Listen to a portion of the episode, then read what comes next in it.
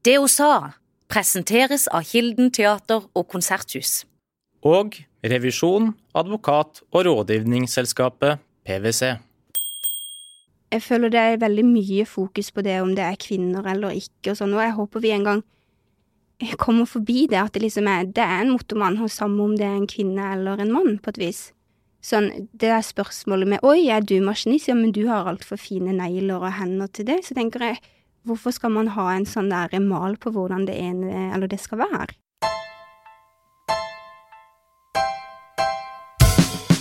Sara Søreng, velkommen til det hun sa. Tusen takk. Du er maskinist, jobba sist på Superspeed, har vært på flere andre store skip, og så er du veldig aktiv i sosiale medier. Vi i det hun sa, fant deg rett og slett fordi vi så noen kule videoer på Instagram. Og der har du 236 000 følgere. Mm. Og i tillegg har du en stor konto, kan vi kalle det, på TikTok. Ja. Og hvor mange følgere har du der? Eh, litt over 130 000. Du, du, del, du deler jo bilder fra livet om bord. Mm. Hvordan fant du ut at det var noe folk var interessert i? Vet du noe, det har egentlig kommet helt tilfeldig. For det begynte som eh, den første gang jeg fikk opprykk da, til maskinoffiser, til andre maskinist, så var jeg så veldig, veldig stolt.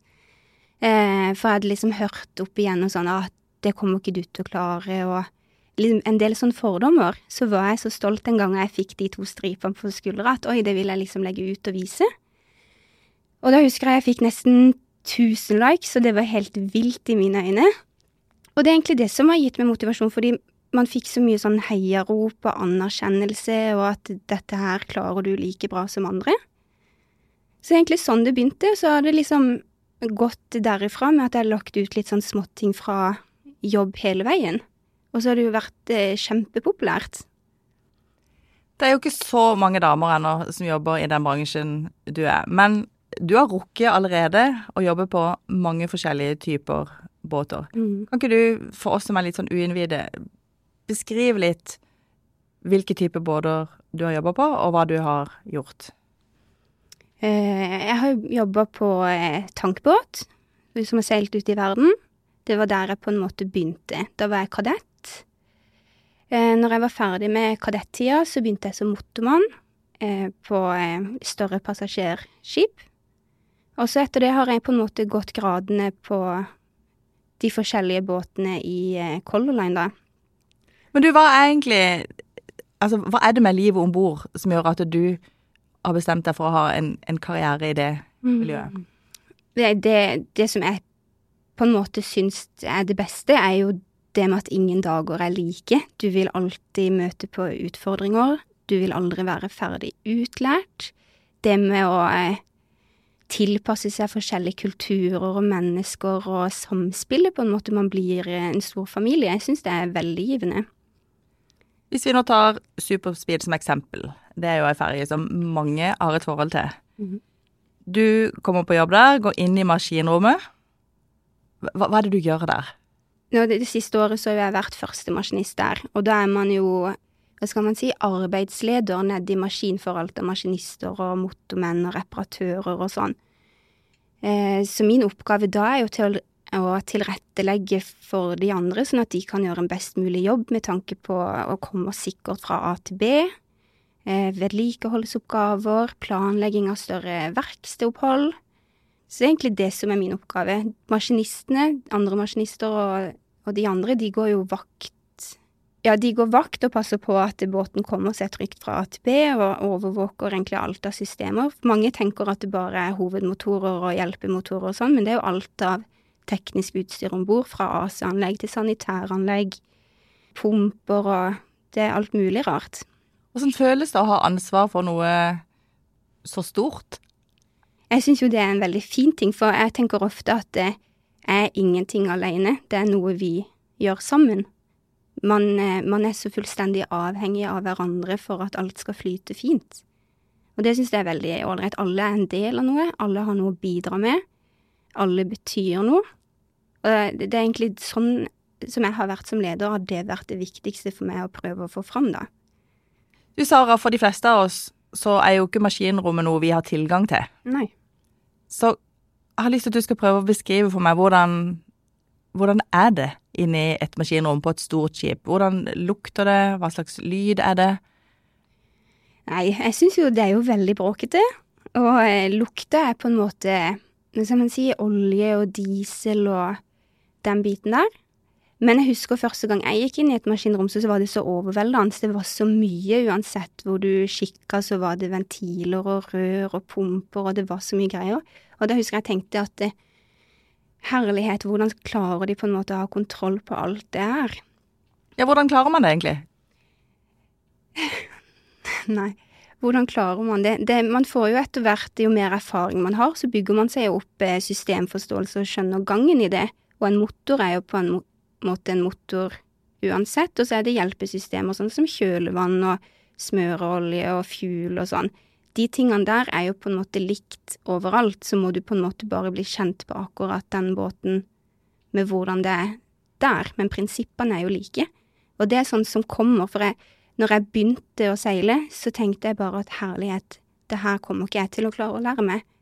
Men så har det på en måte kommet av seg sjøl, når du bare tar tida til hjelp og bruker tida godt da på å sette deg inn i faktisk det som er viktig. Men med den jobben du har, og den jobben du har hatt på ulike skip, hva har du vært mest redd for at skal gå galt? Før så var det alt mulig rart, fordi man skjønner ikke hva som er viktig og ikke, og man er redd for å feile, og det har jeg Eh, det har nok jeg vært mer redd for kanskje enn andre, for at jeg, jeg har følt jeg måtte bevise et eller annet. Så hvis jeg har gjort noe gærent, så har jeg tenkt at det, oi, det betyr mye mer enn hvis noen andre har gjort noe gærent, fordi du blir så eh, dømt, har jeg tenkt. Med sånn å, jente, og hun kan ikke noe. Det er liksom det, Den har sittet veldig hardt inni meg, men nå når jeg på en måte har blitt eldre og har større ballast og den biten der, så tenker jeg at det, uansett hva som går gærent, så klarer vi å fikse det. For det er vanvittig med kompetanse hvis man bare klarer å bruke folkene du har. Så kan vi dødsmye til sammen. Og det er det som er viktig, ikke hva en enkeltperson på en måte kan. Man må vite hva de forskjellige er gode på, og hva vi kan oppnå sammen, da. Men som dame og ung, tror du, basert på den erfaringa du har, at du må bevise i enda større grad at du vet hva du snakker om, at du kan dette for å bli tatt på alvor og respektert? Ja, eh, for å være ærlig så har jeg følt det i mange, mange settinger. Men så nå så har jeg òg begynt å tenke at det, det, driter jeg i på et vis. Eh, nå stoler man på seg sjøl, og har ikke de troa på det, så får de bare vente og se til man beviser det motsatte. Det, for meg betyr det ikke noe hva han eller han mener eh, til syvende og sist, så lenge man på en måte klarer å prestere, da. Men det må være litt godt å være kommet der i karrieren, at du kan si det du sier nå, at du kan gi litt blaffen, og at du stoler nok på deg sjøl. Men, men hva, hva, skulle til for at du kom der? Det har vært at man har klart å mestre oppgaver opp igjennom, at man har hatt eh, gode støttespillere i kollegaer som på en måte heier deg fram òg, at ikke det alltid bare er det negative du får, at du har de som faktisk gir deg det positive òg. Og hvis man klarer å endre fokuset sitt på det positive til det positive, så tror jeg veldig mye er gjort. Var det sånn i begynnelsen at du noen ganger tenkte at å nei, dette orker jeg ikke mer, det er for mye ansvar, eller det er for, mm. for tøft miljø? Det har jeg tenkt mange ganger. Og det har vært ganger hvor jeg har eh, vurdert å gå i land og slutte også, men på grunn av jeg har hatt eh, mine støttespillere eller folk som ønsker meg godt, så har de vært en trøst og klart å motbevise meg eller tilrettelagt bedre for at det her kommer til å gå bra. La oss si en som motormann da går med vakt med en som ikke behandler deg noe bra, eksempel. Eh, og det kan være ganske tungt over tid, for man er sammen hele tiden i flere uker. Og det å ha ledere eller folk der som kan tilrettelegge med at man kanskje bytter vakt, eller Sånn type ting har betydd veldig mye for meg. Du har jo vært på mange typer skip, mm. Eh, og også seilt i ulike land. Mm. Vært av gårde lenge. Kan du si litt om, om forskjellene på altså, ulike typer båter i, når det kommer til miljø og arbeidsforhold? Mm. Ja, det, jeg tenker jo at en, en, av våre viktigste egenskaper er jo det å være tilpasningsdyktig, for det er veldig mye forskjellig. Det er forskjellig kultur, og plutselig jobber du med filippinere, eller så jobber du med polakker og så nordmenn, ikke sant. Alle har sin måte å være på, hvordan eh, de Eller fremtoninga skal være. Eh, så jeg tenker det med å være tilpasningsdyktig og tolerant er nøkkelen til å lykkes med det, fordi det er store forskjeller. Det er forskjell i hvordan man eh, drifter båten. Det kan være bare fra superspeed 1 til 2, for eksempel. For du har jobba på begge, begge de båtene Ja. Superspeed? Men det, det var bare et eksempel. Men for ting det kom, Hvordan ting blir styrt, og hvordan ting er om bord, kommer på en måte fra toppene om bord der. Så miljøene er forskjellige, selv om det er like, like omstendigheter, da. Syns du noen ganger det kan være vanskelig å finne balansegangen mellom å være tilpasningsdyktig og tenke at ja, ja, men dette er bare sånn det er, og de gangene hvor du må si at nei, men dette går ikke, her må vi på en måte ta en Mm. opprydning, eller her må det noe endres. Ja, det har vært veldig vanskelig. eh, Men jeg tenker at eh, det er jo et hierarki, så det har med hvilken posisjon man er i òg, for hvilken kamper man skal ta. Og jeg tror jeg håper sjøl at jeg har vært smart med valg av mine kamper, for det er veldig ofte jeg tenker inni meg at pokker ta, der skulle jeg sagt noe på et vis.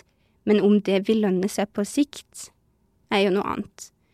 Og det er jo en av grunnene for at jeg ønsker en, en karriere innenfor dette, for det er så mye som jeg syns ikke kanskje er helt greit. Det er så mye som bør endres på, som er litt gammeldags, og holdninger og sånn. Men da er man ansvarlig for å sette seg i en posisjon da hvor man har noe man skulle ha sagt, hvor man kan faktisk gjøre en endring.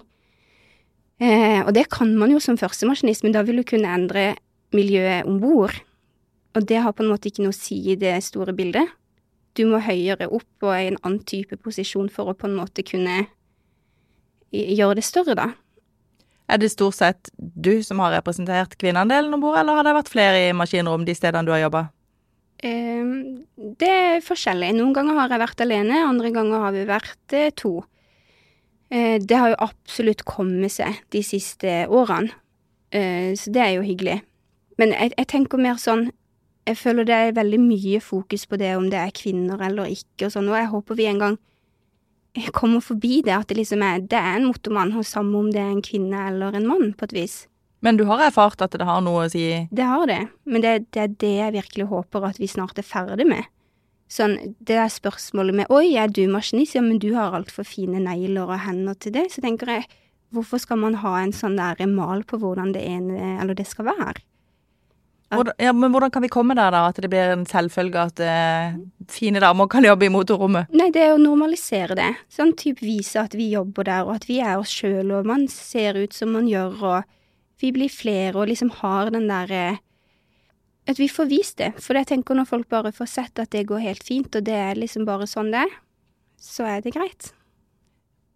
De siste årene så har det vært mye fokus på trakassering og overgrep i mange bransjer. Vi har ikke hørt så mye fra skipsfarten, fra livet til sjøs. Mm. Du har jo etter hvert lang erfaring mm. fra mange båter.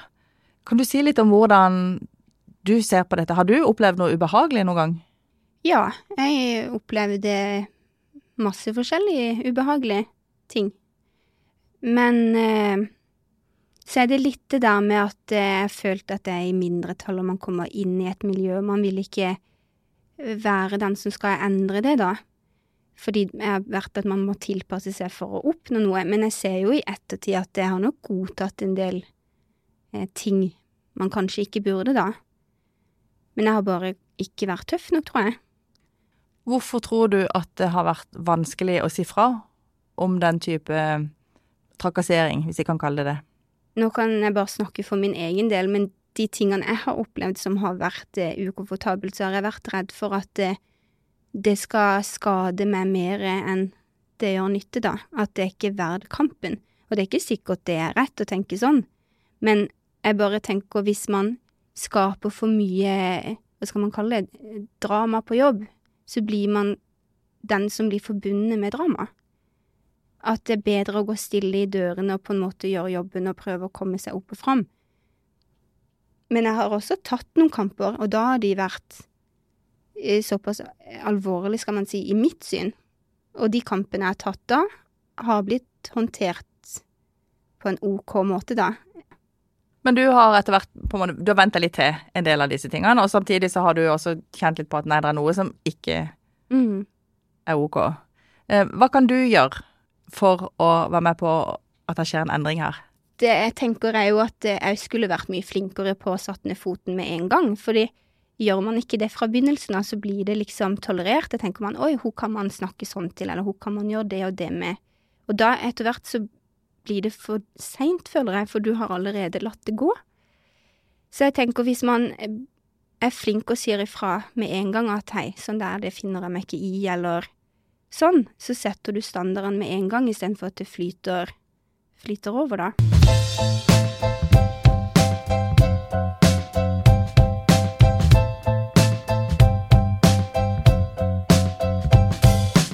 For sånne som meg, som ikke kan så veldig mye om karrieremulighetene til sjøs. Det er også karrieremuligheter i land for de som vil jobbe med skipsfart. Kan du klare å beskrive for meg en, en maritim karriere? Mm. Nå, nå, kan jo jeg selvfølgelig best den tekniske delen, men jeg tenker at uh, utdanner du deg til maskinist, så kan du jo bli brukt til uh, vanvittig mye. Du er ikke låst til å være en maskinist om bord. Du kan gå i land, du kan være teknisk inspektør og vesselmanager, du kan jobbe på fabrikker, du kan være driftsoperatør, du kan ut i olja. Og det er arbeidsplasser over hele verden. For skipsfarten er liksom det som binder eh, verden sammen. Og det er det som gjør det så kult, at du har liksom hele verden som arbeidsplass, da. Og jeg tror egentlig ikke det er noe Eller jeg føler ikke det sjøl at det er noen begrensninger. Så lenge du er interessert i det tekniske og sånn, så har du mange, mange bein å stå på. Hva er drømmejobben for deg? Det er den jeg har fått nå, som teknisk inspektør. og Det har jeg hatt lyst til siden jeg var, eller begynte denne utdanninga, så var det det som var målet. Så jeg, jeg syns jo det er helt eh, vilt i mitt eget hue at jeg har kommet dit nå, for jeg hadde sett for meg det kanskje i 40-årene. For om ikke så altfor lenge så begynner du i ny jobb som teknisk inspektør på Mm. skip. Kan du forklare litt om hva en sånn jobb går ut på? Ja, eh, som teknisk inspektør så har du på en måte ansvaret for ett eller flere skip, hvor du på en måte eh, har det overordna tekniske ansvaret for drift og budsjetter og sånn noe. Det hørtes ut som en litt heftig jobb. Ja, det, det er jo det, og det, det Hva skal man si? Jeg hadde jo sett for meg det ikke sant, om lenge til med mye større ballast. Så det er en sånn ting som gjør meg litt nervøs nå, at det, nå er jeg liksom tatt den jobben nå, og det er egentlig dritkult. Ja. Du, du har jo tatt noen tøffe valg underveis for å komme der du er. Blant annet så dro du til sjøs ganske raskt etter at du ble mamma. Kan du fortelle litt om det? Eh, ja, jeg fikk jo en sønn siste året mitt på eh, bacheloren i januar. Og det var bachelor i Marinteknisk eh, drift. Og jeg har alltid hatt lyst til å bli mamma, men selvfølgelig tidspunktet var jo ikke helt eh, ideelt. Og så da òg husker jeg at jeg møtte litt sånn eh, motgang med ja, du bør bare slutte, og nå på en måte kommer du ikke til å klare det, og hvordan skal det gå an å seile som mamma, og, og den biten der. Og jeg husker òg, for da eh, fikk jeg jobb i eh, sånn internasjonalt, så jeg skulle mønstre på nedi Suezkanalen. Og da måtte jeg innom eh, vaksinasjonskontoret for å få eh, vaksiner. Og så husker jeg de stilte meg spørsmålet ja, har du, ammer du, har du barn? Og så sier jeg ja, men han er så og så gammel. Og så sa hun oi, da tror jeg jeg må snakke med en lege, for jeg syns ikke det er rett at du skal få de vaksinene og reise bort så lenge fra barnet ditt. Og da husker jeg jeg var kjempelei meg, for at jeg tenkte her har jeg liksom betalt for en tjeneste, og så må du på en måte sitte og høre på at det skaper relasjonsproblemer og hele den biten der, for det er jo ting jeg har tenkt på selv. Men der og da så føltes liksom karrieren viktig for meg for å bygge opp et bra liv for min sønn senere. Og Hvordan gikk det, da? Nei, det, det var kommet en annen, en annen dame som satt i vaksinene. Og hvordan gikk det når du reiste ut? Jeg syns jo det gikk bra, men selvfølgelig savnet og, og den biten der har jo vært vanskelig, og det er det jo enda. Det er jo aldri gøy å reise bort fra sine barn og familie.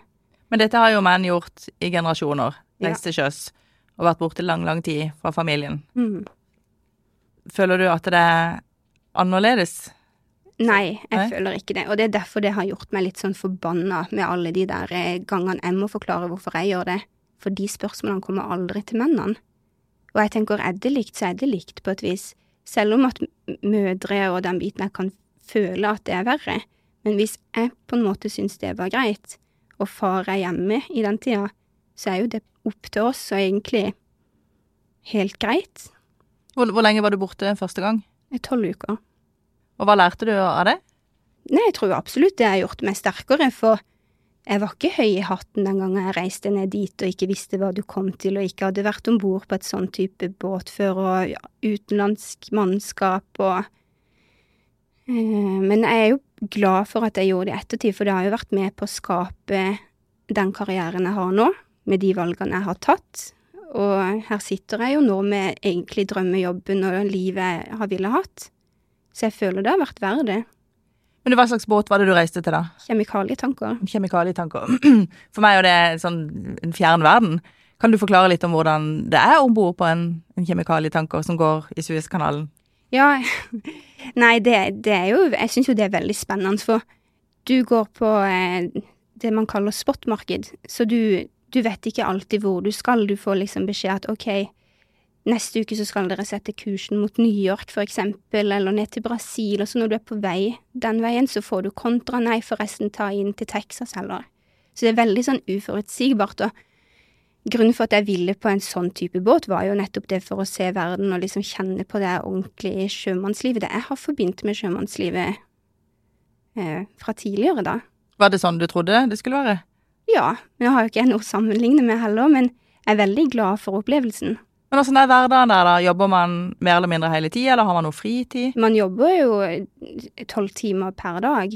Det, man er på jobb fra åtte til åtte, med mindre det er vaktgåing og sånn, da blir jo døgnet delt litt mer opp. Ja. Men når du kommer inn til havna, får du tid til å gå inn og se litt av ja, landet der besøker? Ja, det får tid til det, men så er det jo ofte når man ligger til kai at større vedlikeholdsprosjekter kan bli gjort. Så hvis er man i a jour med det, så er det selvfølgelig mulighet til å gå i land og kikke, og det, det, er jo en veldig viktig del av det. For man, det er ikke sunt å være om bord hele tida. Det er viktig å få det avbrekk og komme seg litt bort og Du, i hvor, hvor stor grad er eventyrlyst en driver hos deg? Den var mye større før, når jeg var yngre. Men eh, den er der ennå, og jeg liker uh, uforutsigbarhet. Jeg liker at eh, du får det lille adrenalinet, at du ikke helt vet hva du møter og sånn noe. Så det er absolutt en pådriver. For meg så ville det ultimate ubehaget være å måtte jobbe inne i et varmt maskinrom når det er skikkelig grov sjø, mm. når det er ruskevær. Hvordan har det vært for deg? Nå har jeg seilt i, eh, hva skal vi si, steder hvor ikke det er et stort problem, da. Men eh, jeg blir jo helt ærlig sjøsyk. Som så det er jo litt rart, men eh, maskin og sånn er jo såpass langt nede og langt bak at det, du merker jo mindre der enn andre steder om bord, da. Men er det noe triks for å klare å holde seg på beina allikevel? Nei. Er du sjøsyk, så blir er du sjøsyk, føler jeg. Frisk luft og det å legge seg ned, nesten. Ja. Har du vært redd noen gang? På grunn av sjø? Nei. Du har også jobba på cruiseskip. Hvordan var det? Ja, eller Det er jo større passasjerferjer, da. Mm. Jeg syns det er ålreit. Man blir jo en veldig stor eh, maskinavdeling og, og sånn. Jeg trives jo veldig godt med mennesker. Jeg syns jo den delen av det å være eksempel en leder er veldig inspirerende, den personalbiten, da. Du, hvis det er noen av de som sitter og hører på, som har en drøm om å jobbe til sjøs. Mm. Kanskje ta en maritim utdanning, eller kanskje de har barn mm. som snuser på det. Hva vil du si til de? Hvis det er noe man har lyst til, så syns jeg absolutt eh, man skal gå for det. Og eh, jeg tenker jeg er jo veldig for likestilling, at eh, jeg ser ikke noen grunn for at ikke vi skal klare det når mennene klarer det. Og så tenker jeg det, det er jo en bransje som trenger mangfold. Og da er det litt viktig at vi er oss selv, for det, det, er jo en forskjell vi ønsker å få inn, ikke sant, andre typer tanker, andre typer væremåter og sånn, og hvis ikke så vil jo alltid bare være det samme. Så jeg har jo på en måte vært veldig sånn, hva skal man si, ikke dollete, men liker å være jente og kvinnelig og sånn òg. Og da er det, har det vært viktig for meg å holde på det, selv om jeg måtte tatt eh, kamper for det ene og det andre med å komme med væske ned på vakt, for eksempel, og sånne ting. Så vær deg sjøl. Ja, for det er det, det er det, vi trenger. Er det noe folk kunne ha reagert på? Det at man kommer med væske. Ja, det har, det har tatt den kampen der. Hva måtte du si da? Nei, at jeg trenger å ha med mine ting. Ja, mobil og leppepomade og alle de her tingene.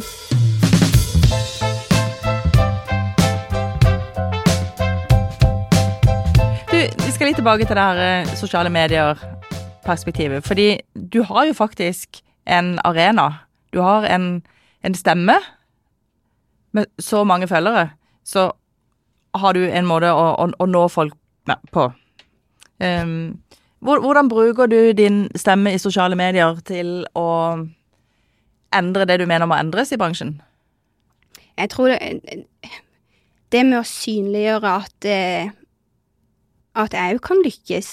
At eh, jeg, jeg har klart fint å være motormann og første maskinist og andre maskinist, og, og det går helt fint.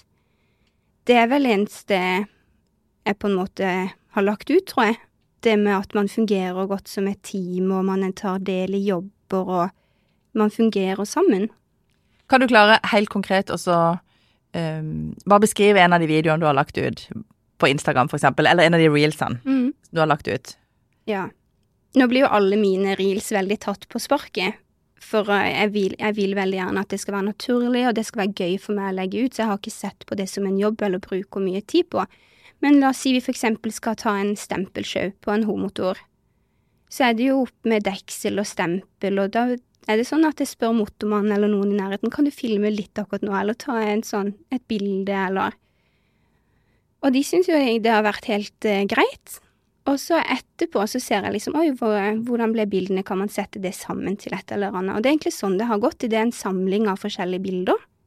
For det veldig sjeldent at jeg har filma en hel eh, Ja, når vi jobber, da. Det er samling av små klipp her og der, og så blir det, syns jeg i hvert fall at det blir veldig kult og ekte, og skildrer det vi holder på med ganske godt. Og så får du jo veldig mange kommentarer på det du gjør. Hva, hva er det folk kommenterer? Jeg syns jo det har vært utelukkende veldig mye positivt. At det står på veldig kult og Ja, det, det har vært veldig fine tilbakemeldinger, og det er jo derfor jeg tror jeg har fortsatt. At eh, en Ja, en, en film kan bli sett så mange millioner ganger, og så at folk syns det er kult, da. Hva tenker du om det? Nei, det har jeg egentlig ikke tenkt så mye på, for da tror jeg jeg hadde blitt redd for å legge ut noe. For jeg, jeg syns jo det er litt sånn ekkelt med sånn, hva skal man si, oppmerksomhet på den biten der. Så Instagram har på en måte alltid vært fra hjertet og tenkt at det er min ting. Så liker ikke folk det, så trenger de ikke å følge med. Men hadde jeg begynt å sette på hvem som kanskje følger, og hvor mange det er, og hvem det er og sånn, så har, jeg- da har jeg sikkert blitt litt mer sånn nervøs. Ja, For det er litt interessant, for det, du var litt nervøs før du skulle inn her i studio og snakke med meg. Men du når jo mange, mange flere på den eh, kontoen, eller på de kontoene du har. Ja. Ja. Ja, det er litt rart. Har alt det innholdet du har lagt ut, som jeg syns er veldig gøy å se på, har det åpna noen dører for deg? Ja, men eller hva skal man si?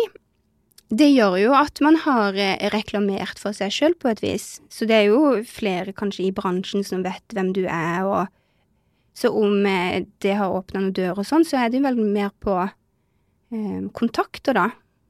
Eh, Når man har, en så, eller har så store kontoer som det du har, og så mange følgere, Mm.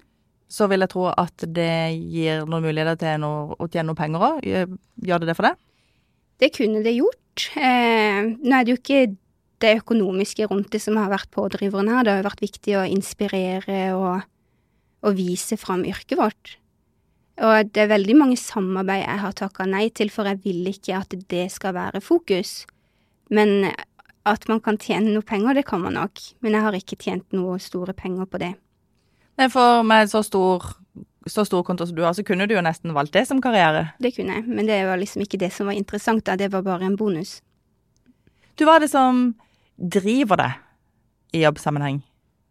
Det er det jeg har opplevd opp igjennom, da, med tanke på holdninger kanskje spesielt, så eh, syns jeg at det er mange ting som kunne blitt endra til det bedre. Og da er det jo det med å sette seg i en posisjon hvor man kan bidra på å gjøre en positiv endring, da. Det er det som driver meg. Jeg har lyst til å ha noe å si, jeg har lyst til å bidra til å gjøre denne bransjen bedre, mer mangfold, mer tolerant. Hva tror du skal til for å få til større mangfold i din bransje? Nei, jeg tenker jo det er så enkelt som at eh, yrket blir mer, eh, hva skal man si, synliggjort. At folk vet om mulighetene og hvilken eh, retninger man kan gå, hva man kan bli, og at det er mange bein å stå på, da. For så mange ganger folk har spurt meg hva er det du gjør, og så sier jeg nei, jeg er maskinist, ikke sant, og så vet de ikke hva det er. Og da tenker jeg at hvis vi bare får synliggjort det mer, nå ut til flere folk, så vil jo på en måte det være flere forskjellige som søker, da. For jeg er ikke noe for at eh, man skal ha kvotering her og der. Jeg ønsker jo at man skal ha best mulig folk inn i stillinga. Jeg ønsker at eh, vi skal få gode maskinister, og det skal ikke ha noe å si at oi, hun er jente, da må vi ta henne, selv om hun kanskje egentlig ikke er noe bra. Det er ikke der det ligger. Hva tror du det er med sjølivet som gjør at folk syns det er så spennende å høre om? Jeg tror bare det er annerledes. At, at det, man kanskje ikke er helt vant til det. Man har ikke tenkt på det som en mulighet. Mm. Og det har jo òg vært en pådriver på det med Instagram, er jo å vise at se hvor gøy vi har det, se hvor kult dette her er. På et vis. For at når jeg skulle velge utdanning, så fant ikke jeg det. Nå vet jeg ikke om jeg leita godt nok eller hva det er, men man fikk ikke et ordentlig innblikk i hva det var. Og når jeg tok den bacheloren og først kom ut, så tenkte jeg å herlighet, er det sånn det er? Hender det at det er noen jenter som står og skal velge utdannelse, som tar kontakt med deg og spør om noe? Ja, det har heldigvis vært veldig mange, og det er kjempekoselig. Det er, alle er velkommen til å spørre, og jeg svarer så godt jeg kan. Det, det syns jeg er viktig, da. Ja. Sara, hva må man tåle for å kunne jobbe seg oppover i karrieren? Nei, det har jeg tenkt litt på i det siste, og jeg tenker det med å være komfortabel med å være ukomfortabel. Og jeg har sett tilbake hvor mange, mange ganger jeg har vært så ukomfortabel med den klumpen i magen og tenkt sånn shit, dette klarer jeg ikke. Og allikevel så gjør jeg det, og man er litt sånn uggen og alt sånn òg. Bare det med å bytte båt, her kan du gå inn på den båten og være maskinist der, kan du flytte dit, kan du gjøre det? Det har alltid gitt meg en sånn dårlig følelse, og veldig redd, men så har det alltid gått veldig bra likevel. Så jeg tror det å være ukomfortabel og bare tørre å hoppe i det, vil gjøre at eh, du utvikler deg veldig bra i en positiv retning. Og vi er Jeg tenker sånn at jeg kommer til å være sånn ukomfortabel med ting resten av livet. Så det der med å tåle ubehag? Ja, tåle uforutsette ting, og tåle å være litt redd. Tåle å Ja. Men kan jeg spørre om noe som handler om, om båtliv igjen? For Mm. det, det er noe jeg er litt fascinert av. Vi vet jo at kapteinen er øverst. Mm. Kan man utfordre kapteinen? Altså Hvis det er noe du er uenig med båten, eller noe du synes gjøres på feil måte, kan man da som maskinist gå til kapteinen og si 'hør her, jeg synes at vi bør gjøre sånn og sånn og sånn', eller er det på en måte uhørt? Ikke uhørt, men eh, det er jo noe som heter tjenesteveien, at man går til sin nærmeste leder, som igjen går til sin nærmeste leder, og så blir det håndtert derifra. Men ting er jo veldig annerledes om bord på en båt enn det er en annen type bedrift på land. Mm. Hva, hva tenker du er den største forskjellen gjennom å jobbe på land i en bedrift, og å være om bord på et båt som på en måte er et eget sånn samfunn, nesten? Ja, det, nå har ikke jeg jobba på land, men jeg, sånn med på båt jeg er jo veldig glad i hierarkiet, at eh, man har sin plass og man har sine oppgaver og Ja, man vet eh, Så hierarki, det er en sånn ting som skiller Det kan være en stor forskjell, ja. Men allikevel så er det jo ikke sånn at man ikke kan åpne munnen og si noe. Men eh, Men tror du de tingene har endra seg litt? jeg tror hierarkiet ikke står like sterkt nå som før, ja. Men eh, Men det er jo en, en, opplever du det som ryddig at det der er det hierarkiet, fordi det er såpass klare ja, roller? jeg syns det. Men det er jo hvordan jeg liker å ha ting, da. Når du skal være skipsinspektør, er du på land da? Ja. Hva kommer du til å savne med livet om bord? Det er jo kollegaene. For man, eh, man får så fine bånd, og man får venner for livet, føler jeg. Det er det samholdet. Det kommer jeg til å savne. Du har alle skip som finnes. Hvilket skip syns du det hadde vært aller mest spennende å få komme om bord og jobbe på? Akkurat nå så ville jeg nok sagt eh, cruise. Ja, cruise i Karibien hadde vært eh, drømmen. Og hva er det som tiltrekker deg med det? Nei, det er, det er å oppleve nye steder, og at det er, det er så store forhold. Alle gjestene vi har på besøk i DHSA, får lov til å fremsnakke en person som er viktig for dem. Hvem vil du fremsnakke? Da tror jeg jeg må si min mamma. Hun er Det er Mariann Søreng.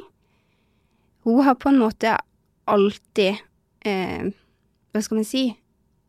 Eh, vist meg viktigheten av det at man er god nok, at dine meninger er de man skal stå for, og det, Jeg tror det er hos sin fortjeneste at jeg er blitt den jeg har blitt, og hun har alltid vært der i mine tøffe stunder, og man har hatt lyst til å gi opp og hele den biten der, og ikke minst med tanke på å tilrettelegge for at jeg kunne hatt en så uforutsigbar hverdag med å plutselig måtte reise hit og dit og bli borte så og så lenge og sånn, og hun har alltid, alltid stilt opp med min sønn.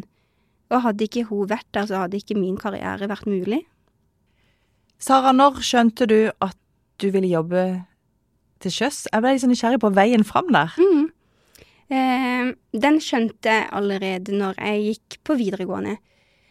Men så var jeg redd for at eh, jeg skulle velge feil. Jeg er veldig sånn, hva skal man si, liker at ting er tilrettelagt. Jeg liker ikke å måtte si sånn 'Å nei, der gjorde jeg en feil', og, og sånn. Så da tenkte jeg jeg går i Forsvaret. Der har du mulighet til å komme deg på båt uten utdanning.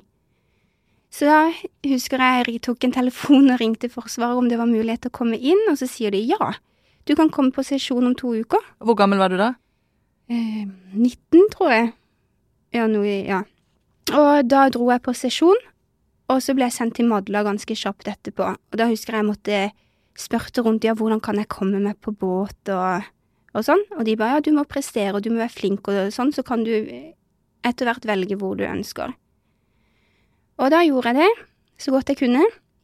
Eh, Så fikk jeg heldigvis eh, valgt eh, Kystvakta.